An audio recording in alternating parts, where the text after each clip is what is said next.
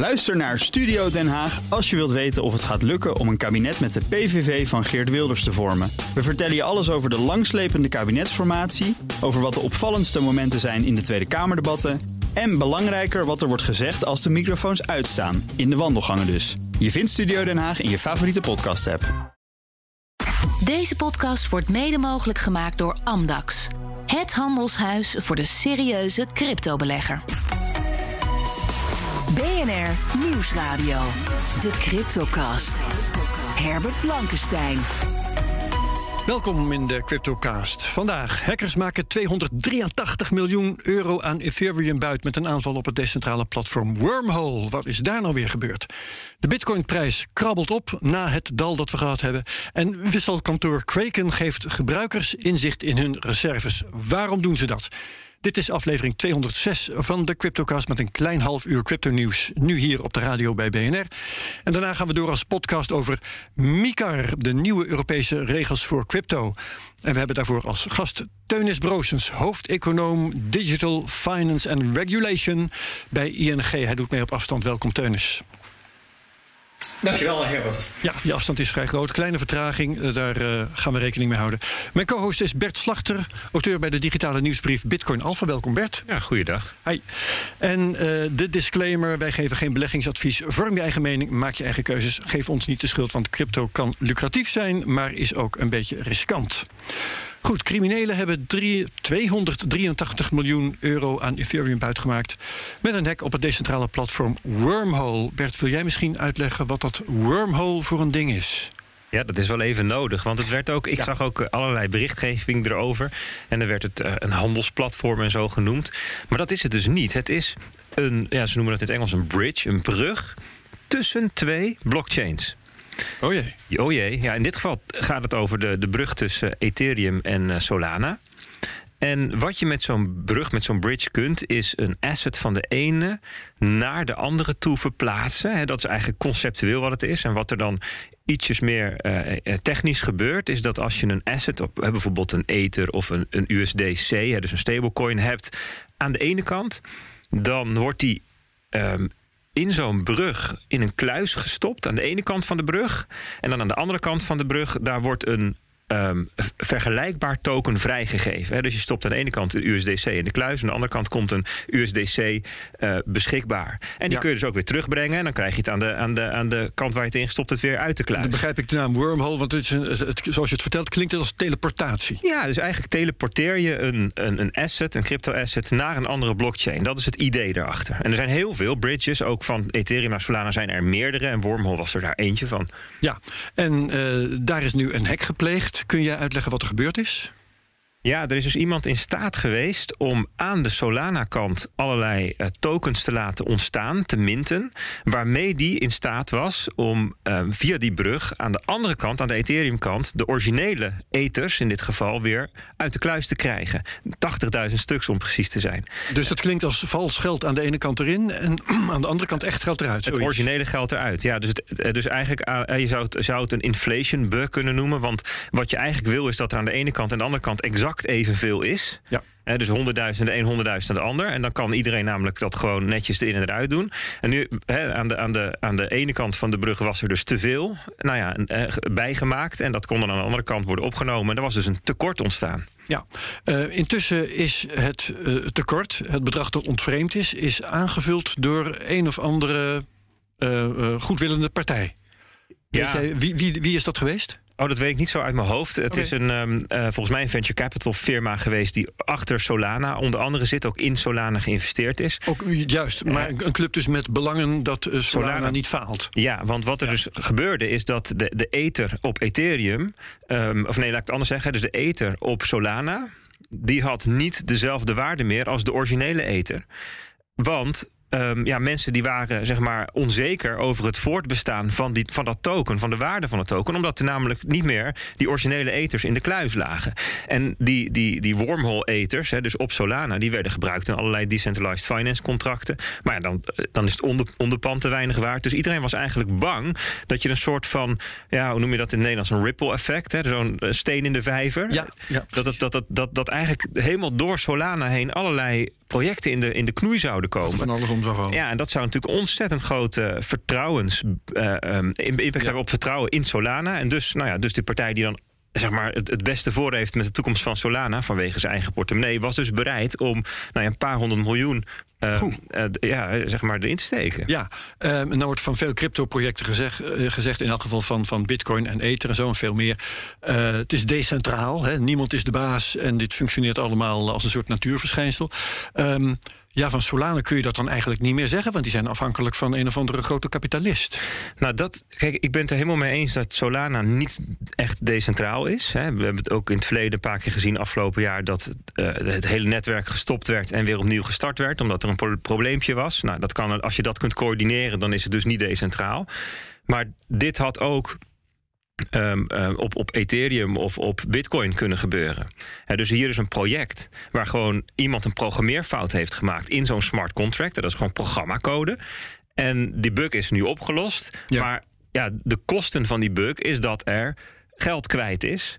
Hè, en dat wordt aangevuld. Dat kun je dus ook niet oneindig keer doen. Op een gegeven moment zijn die zakken een keer leeg. Hè. Um, maar maar zo'n soort manier van um, een project wat ergens opgebouwd wordt, uh, uh, weer fixen. Ja, dat, dat, dat staat in principe los van het wel of niet gedecentraliseerd zijn. Je kunt wel zeggen dat het project Wormhole blijkbaar niet gedecentraliseerd is. Want dan had, dan had, dan had iedereen het aan zijn lot overgelaten. Ja, um, even het oor te luisteren leggen bij Teunis Broosens van ING. Teunis, uh, zeg jij nou als bankier, zie je wel? Uh, nou, ik, uh, niet helemaal, maar deels wel. Kijk, um, het is volgens mij ten eerste inderdaad, het is een bug. Hè? Dus het is niet echt een hack, maar meer een exploit. Hè? Het is gewoon een, uh, een probleem in de code wat hier uitgebuit is door een hacker. Um, en wat ik wel interessant vind, is inderdaad dus dat volgens mij het moederbedrijf. Ik dacht dat het het moederbedrijf van Wormhole was, wat inderdaad een redding heeft verricht. Dat is dus eigenlijk in uh, de traditionele financiële wereld noemen we dat een bail-out. Uh, die kennen we helaas van de goede oude financiële crisis hè, van 2008. Ja, toen, Precies, toen uh, veel financiële instellingen een bail-out kregen. En dat is dus hier ook gebeurd. Dus ik vind het wel interessant om te zien dat inderdaad, dit zegt iets over het, het, centralisatiegehalte van Wormhole in dit geval. Ik denk terecht om dat te onderscheiden van het decentrale gehalte van Solana of een ander onderliggend platform. maar Wormhole is hier dus er is gewoon een ordinaire roof geweest. Hè. De kluis van Wormhole, daar is gewoon geld, uh, hè, er zijn gewoon, uh, is gewoon Ethereum uitgestolen. Gewoon een ordinaire kluisroof die uh, ordinair met een bailout, met een redding is aangevuld. Ja, dat, dat is allemaal heel ouderwets. Um, niks nieuws onder de zon, wat mij betreft. Ja, oké. Okay. Um, Bert, nou is bij Poly Network in augustus 600 miljoen ontvreemd is een beroep gedaan op de daders om geld terug te geven tegen een beloning. Dat is uh, nu ook gebeurd. He, daders, kom alsjeblieft met het geld. Dan, dan krijg je, ik geloof dat er 10 miljoen in het vooruitzicht werd gesteld. Van je 280 miljoen mag je er dan 10 houden. Um, daar is volgens mij uh, geen reactie op gekomen. Hè? Deze daders zijn niet zo vriendelijk geweest als de vorige om dan gewoon maar het geld weer in te leveren. Ja, want bij Poli is dat daadwerkelijk gebeurd. gebeurd. Die hebben het, ja. uh, geloof ik, by far het grootste gedeelte toen teruggegeven. Ja. Uh, hier is dat volgens mij tot nu toe niet gebeur, gebeurd. Het zou alsnog kunnen. Wat je dan dus doet is een, een, een ze delen hackers wel eens op in black hat en white hat. Dus of je een zwarte of een witte hoed op hebt. Moet ja. je even aan Gandalf denken uit Lord of the Rings. En Grey kan tegenwoordig ook al. Kan ook nog. Hè. Um, en, en eigenlijk zeg ik dan tegen iemand van ja, kom maar hè, over de brug. Want we vinden het wel heel waardevol wat je hebt gedaan. Alleen, ja, want een bug blootgelegd? Ja, want een heel belangrijke bug opgelost. En kijk, het, het aardige van technologie is hè, dat, dat als je fouten oplost, dat het daarna ook um, opgelost blijft. Hè, als je dat tenminste goed inricht. Kijk, als zeg wel eens, als een menselijke chauffeur tegen een boom rijdt, dan wordt hooguit die ene chauffeur wijzer, maar niet alle chauffeurs. En bij technologie is het zo dat als je een fout oplost, dat alles wat van die fout gebruik maakt, of daarvan gebruik maakt, beter wordt. Ja. En dus dat, dat, dat, dat is wat waard dat opgelost is. Dat was toen ook de pretentie van die Polynetwork hacker. Achteraf tenminste. Uh, dat ja, die, zegt hij. Een, ja, ja, dat hij een uh, probleem had te willen blootleggen. Ja, dus, dus, dus ja, je, je zou zeggen van ja, weet je, um, kom, kom in het reinen en, en, en um, uh, ga, ga je je leven verder als white hat hacker. Dat is eigenlijk een beetje de, de hand die uitgestoken is. Ja, wordt in dit geval denk ik niet gedaan.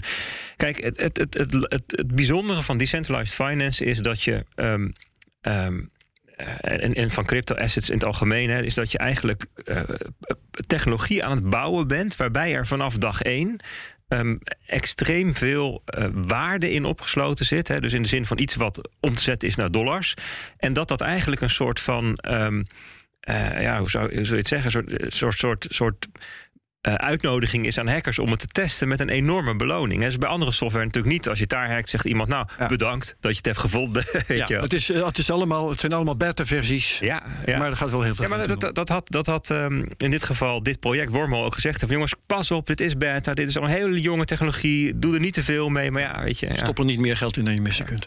Uh, we moeten het over de prijzen gaan hebben. En uh, redelijk spectaculaire ontwikkelingen. Het is vandaag 8 februari, gisteren uh, en trouwens ook de dagen daarvoor is de prijs geweldig omhoog gegaan, van Bitcoin in ieder geval. Ja, leg het maar uit.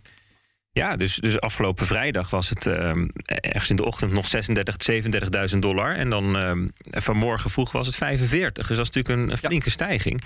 Um, en dat is wel, wel bijzonder te noemen. Um, dat, dat, je ziet ook dat de correlatie met de um, uh, aandelenmarkten, waar we het afgelopen week natuurlijk vaak over hadden, waar ook in de kranten over geschreven is.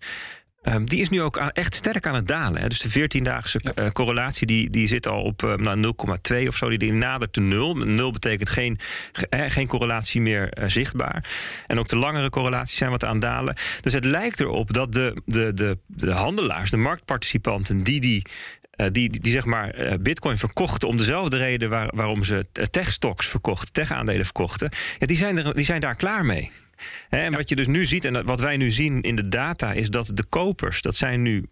Um, die, het, zeg maar, het grootste gedeelte van de koopactiviteit um, vindt plaats op spot markets. Dus waar gewoon echt, echt bitcoin wordt gehandeld en niet in de futures.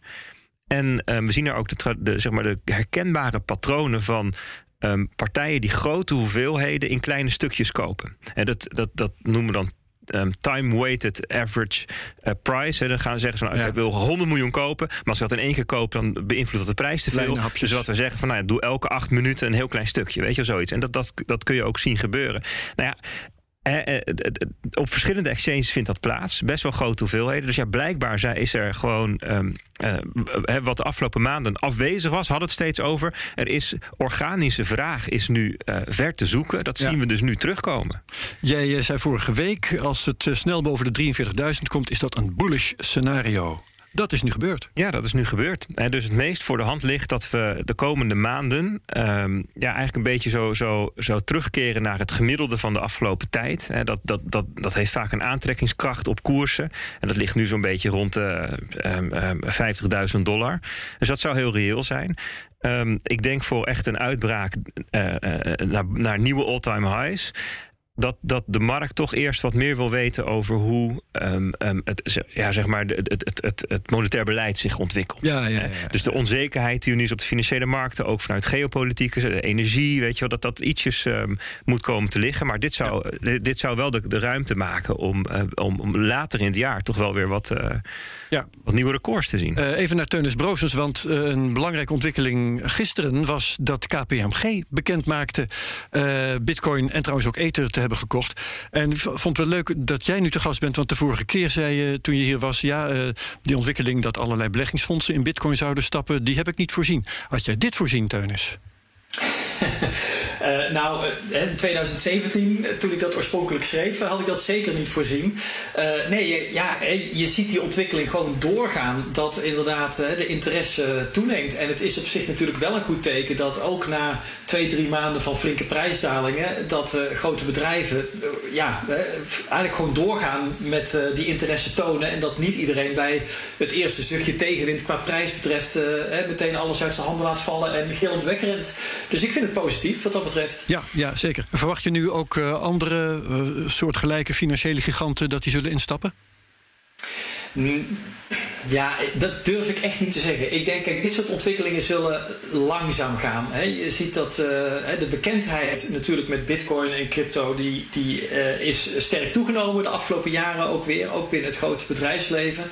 Uh, ik denk dat veel bedrijven met interesse kijken naar het veld. Wat gebeurt er allemaal? Welke diensten worden daar aangeboden? Wat, welke rol kan ik daarin spelen? Ja, um, ja en wanneer een bedrijf dan echt concrete beslissing neemt, oké, okay, nu gaan we zelf iets doen. Ja, dat, dat zal per bedrijf verschillen. Ja, ja, ja, het gaat om KPMG Canada trouwens. Dat onderscheid moeten we eventjes maken. Hè. En Bert, wat, wat zeg jij van deze ontwikkeling? Is KPMG nu de wegbereider voor meer van dit soort bedrijven? Nou, het, dat, moet, te vroeg. Dat valt, nog, dat valt nog te bezien. Kijk, wat we wel de laatste uh, weken opvallend in 2022 uh, zien, is dat er uh, een heleboel landen zijn die. Um, zeg maar, Bitcoin gaan reguleren. Dus zeg maar, duidelijkheid geven over dat het legaal is en onder welke condities. India zagen vorige week bijvoorbeeld Um, dat dat geldt voor staten in Amerika. Hè, en de burgemeesters, eh, ook buiten Amerika, die, die, Allerlei die, niveaus. een standpunt innemen. Dat, dat er een hele lijst van banken, dagelijks zijn er banken die bekendmaken van Japan, Denemarken, weet je wel, eh, Noorwegen, Amerika, die zeggen: joh, wij gaan dit aanbieden aan onze klanten. Dus het is wel een.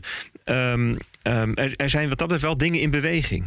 Uh, ja. De, ja, en, en wat dan kijk, ik, ik, ik, ik, geloof niet zo dat de eerste de belangrijkste is. Dus er kan altijd een of andere uh, uitzondering zijn. Hè. Het gaat eigenlijk om wanneer komt, wanneer komt er een, uh, een patroon op gang. Hè. Dus ja. zeggen was El Salvador, ja, dat was echt een milestone. Ik denk eigenlijk pas dat de tweede en de derde, dat je dat eigenlijk de echte milestones zijn. Oké, okay, um, ze hebben bij KPMG Canada ook nog gezegd, wij doen er carbon offsets bij. Daar zijn ze zijn trouwens A, onduidelijk over hoeveel bitcoin en ethers hebben gekocht, maar ook over wat die carbon offsets nou eigenlijk voorstellen of dat nou is uh, dat ze hun transactie willen uh, compenseren of het hebben van bit. Is veel onduidelijk. Dus ik stel voor dat we daar het een andere keer over gaan hebben. Ja. Ook gezien de tijd. Want we moeten het nog hebben over wat Kraken heeft gedaan. De Amerikaanse cryptobeurs Kraken. We beëindigen hier de prijsdiscussie. Uh, die gaan klanten openheid bieden over hun reserves. Proof of reserves. Um, gebruikers kunnen zelfs meekijken in de kluis van het bedrijf om te zien of uh, wat uh, mensen aan bitcoin hebben en wat de, het bedrijf aan bitcoin zegt hebben, of dat er ook werkelijk is. Zijn zij de eerste die dat doen, Bert? Nou, zij waren ooit denk ik wel de eerste die dat deden. Want grappig genoeg heeft Kaken dit in 2014, 15 ook al gedaan. Oh jee. Dus dat, zij waren... Kun je dat twee keer doen dan? Nou ja, ze hebben het toen opgetuigd. En uh, ja. ze, later zijn ze ermee gestopt. Omdat het technisch heel erg ingewikkeld oh. werd. En nu hebben ze het op een nieuwe, veel, ja, veel intensievere manier eigenlijk gedaan. Ze hebben nu ja, ja. een accountantsbedrijf um, gevonden. Die dus in staat is. Die zo de, zeg maar de, de technische kennis heeft. om beide kanten van de balans te bekijken. Hè. Dus de, de, de verplichtingen die ze hebben naar hun klanten toe. En de bezittingen die ze in de kluizen hebben. En ook zorgen dat het matcht. Kijk, er is een dashboard omheen te bouwen, als het ware. Ja, nou ja, dus, dus geven, elke klant geven ze een cryptografisch bewijs dat ook specifiek hun stuk Jouw crypto in de zit. Ligt ja. daar. En, ze, en ze, er is dan ook een site bij waar je dus met dat bewijs uh, dat kunt verifiëren bij die onafhankelijke uh, auditor. Uh, en dat stuk hebben ze nu opgetuigd. En dat is dus nodig, omdat, kijk, je kunt als um, bewaarpartij niet zomaar um, een overzicht uh, publiceren waarop staat: Nou, dit zijn onze klanten en zoveel crypto bezitten ze en dit is ons totaal. En want dan geef je natuurlijk allerlei privacygevoelige informatie van je klanten, geef je prijs. En dat kan niet. En dus je moet op een of andere manier dat bewijs leveren. Ik wil laten zien: je kunt heel makkelijk een bewijs tonen van hoeveel crypto je in de kluis hebt. Maar niemand kan dan zeker weten dat dat ook exact het bedrag is wat er zou moeten liggen. Ja, ja, en dat is wat, waar je dus toch moet vertrouwen op zo'n accountantsbedrijf om nou ja, die twee met elkaar in verbinding te brengen. En dat hebben ze nu gedaan. Kan ik Teunis Broosens weer vragen? Nou, dat uh, maakt het cryptowezen weer een stuk betrouwbaarder, niet? Nou ja, op zich is het mooi natuurlijk dat dit gebeurt. Hè. Inderdaad, meer transparantie is goed. Maar ik heb ook hier wel weer de kanttekening. Dat ik denk van ja, het, het is natuurlijk mooi, maar het is eigenlijk weer een stap voor zo'n tussenpersoon. In dit geval hè, de beurs. Uh, die in samenwerking met een andere tussenpersoon, een accountant, uh, ja, weer meer gaat lijken op de partijen die we in het traditionele financiële stelsel ook hebben. Ja. Want ook daar zijn zeker bewaarbedrijven. Hè, daar wordt natuurlijk sterke regulering.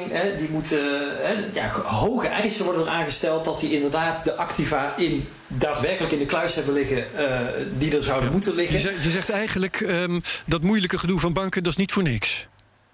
Uh, banken, in dit geval bewaarbedrijven, ja. beurzen, hè, want het gaat natuurlijk niet alleen uh, over banken. Het is inderdaad niet ja. voor niks hè, dat die regulering en toezicht er is. Ja. Ja, heel goed. Um, ik stel eigenlijk voor dat we uh, nog even gaan praten over MICAR. Uh, dit afsluiten. Want we gaan in de, het podcastgedeelte, na, uh, dat we opnemen na deze radio-uitzending, gaan we het hebben over nieuwe Europese regelgeving. En die heet MICAR. En dan wou ik jou, Teunis, maar vragen: wat is MICAR? Waarom hebben we dat nodig? Ja, MICAR staat, staat voor Markets in Crypto Assets Regulation. dat is een Europees voorstel om eigenlijk allerhande crypto assets te reguleren. En dat gaat dan van Bitcoin en Ethereum aan de ene kant tot aan stablecoins en zoals USDC of Tether aan de andere kant. En eigenlijk is het idee van dit raamwerk, het doel is om eigenlijk één Europese markt te creëren, zodat ook Europese beurzen en Europese eventuele cryptomunten uh, gemakkelijker in Europa actief kunnen zijn en heel Europa uh, klanten kunnen bereiken. Hè, dat er één Europees raamwerk komt voor toezicht erop, want dat is er nu nog niet. Uh, dat is het idee. Nou, de praktijk is altijd moeilijker uh, dan de papieren werkelijkheid. Hè. Dus uh, ja, het is echt nog afwachten of dit al die doelen zo gemakkelijk gaat realiseren. Maar het is in ieder geval een goede stap in de juiste richting, wat mij betreft. Ja, ja. Bert, kun jij zeggen waarom MICAR belangrijk is? Als, het is trouwens gaat dit jaar, komt het tweede kwartaal geloof ik, als wetgeving in het Europese parlement in stemming. Hè? Maar waarom hebben we dit nodig? om ervoor te zorgen dat uh, uh, de cryptomarkten ordelijker worden. er is natuurlijk nu, de crypto assets, er zijn er natuurlijk ontzettend veel van. Je hebt aan de ene kant Bitcoin, die kennen we, Ethereum, maar er zijn er nog duizenden. Er zit ook gewoon heel veel pulp tussen. Heel veel rommel waar mensen geld door verliezen, fraude, oplichterij. Um, en ja, goed markttoezicht zou kunnen helpen om nou ja, daar de scherpe kantjes van af te halen. Ja, um, en wat voor, wat voor uh, concrete maatregelen moeten we ons daarbij voorstellen? Wat gaat er dan uh, geregeld worden dat nu niet geregeld is? Kun je een voorbeeld geven? Nou, er wordt bijvoorbeeld duidelijker gemaakt wat de rol is van de toezichthouder, waar ze wel en niet uh, op in moeten grijpen. Maar ook degene die tokens uitgeeft, die moet aan bepaalde eisen voldoen, bepaalde dingen registreren, prospectus of whitepaper in cryptotaal ter beschikking stellen. En dus het wordt gewoon ja, allemaal wat meer ehm, de, de, de, kaders worden ja. duidelijker gemaakt. Ja. Uh, gaat dat partij als ING ook mogelijk maken om zich in crypto te begeven, Teunis? Het wordt in ieder geval makkelijker. Hè? Want eigenlijk wat je ziet tot nu toe, het gebrek aan regulering maakt het voor traditionele financiële partijen gewoon lastig om zich met crypto bezig te houden. Omdat ja. ja traditionele financiële partijen staan nu eenmaal scherp onder toezicht. En ja, dan is het moeilijk om je in een grijs gebied te begeven zoals crypto, waar die regulering gewoon nog afwezig is. Of niet helemaal ontwikkeld. Dus als deze regulering er is, dan wordt het zeker een stuk makkelijker eh, voor uh, traditionele financiële partijen om zich in dit veld te bewegen. Hè? Omdat inderdaad, ja, zoals Bert al zei, de verantwoordelijkheden worden helderder. Dus dat betekent ook bijvoorbeeld dat beurzen en uitgevers van munten ook aansprakelijk worden voor uh, als er dingen misgaan. Dus ik denk uiteindelijk inderdaad, zowel voor beleggers als ook voor traditionele financiële partijen die zich op dit veld willen geven, zou het echt vooruitgang zijn als er meer duidelijkheid komt en ja, iedereen er dus meer kan, op kan vertrouwen dat uh, dat we de boel allemaal goed in elkaar zit. Ja. Oké, okay. uh, bedankt voor dit moment. Tot zover de Cryptocast op BNR. Bedankt uh, Teunis Broosens van ING. Bedankt co-host Bert Slachter van uh, bitcoinalpha.nl. We zetten het gesprek straks voort in de podcast. Wie meegaat, tot straks. Wie afhaakt, ook bedankt. Heel graag tot volgende week bij de Cryptocast op BNR. Deze podcast wordt mede mogelijk gemaakt door Amdax. Het handelshuis voor de serieuze cryptobelegger.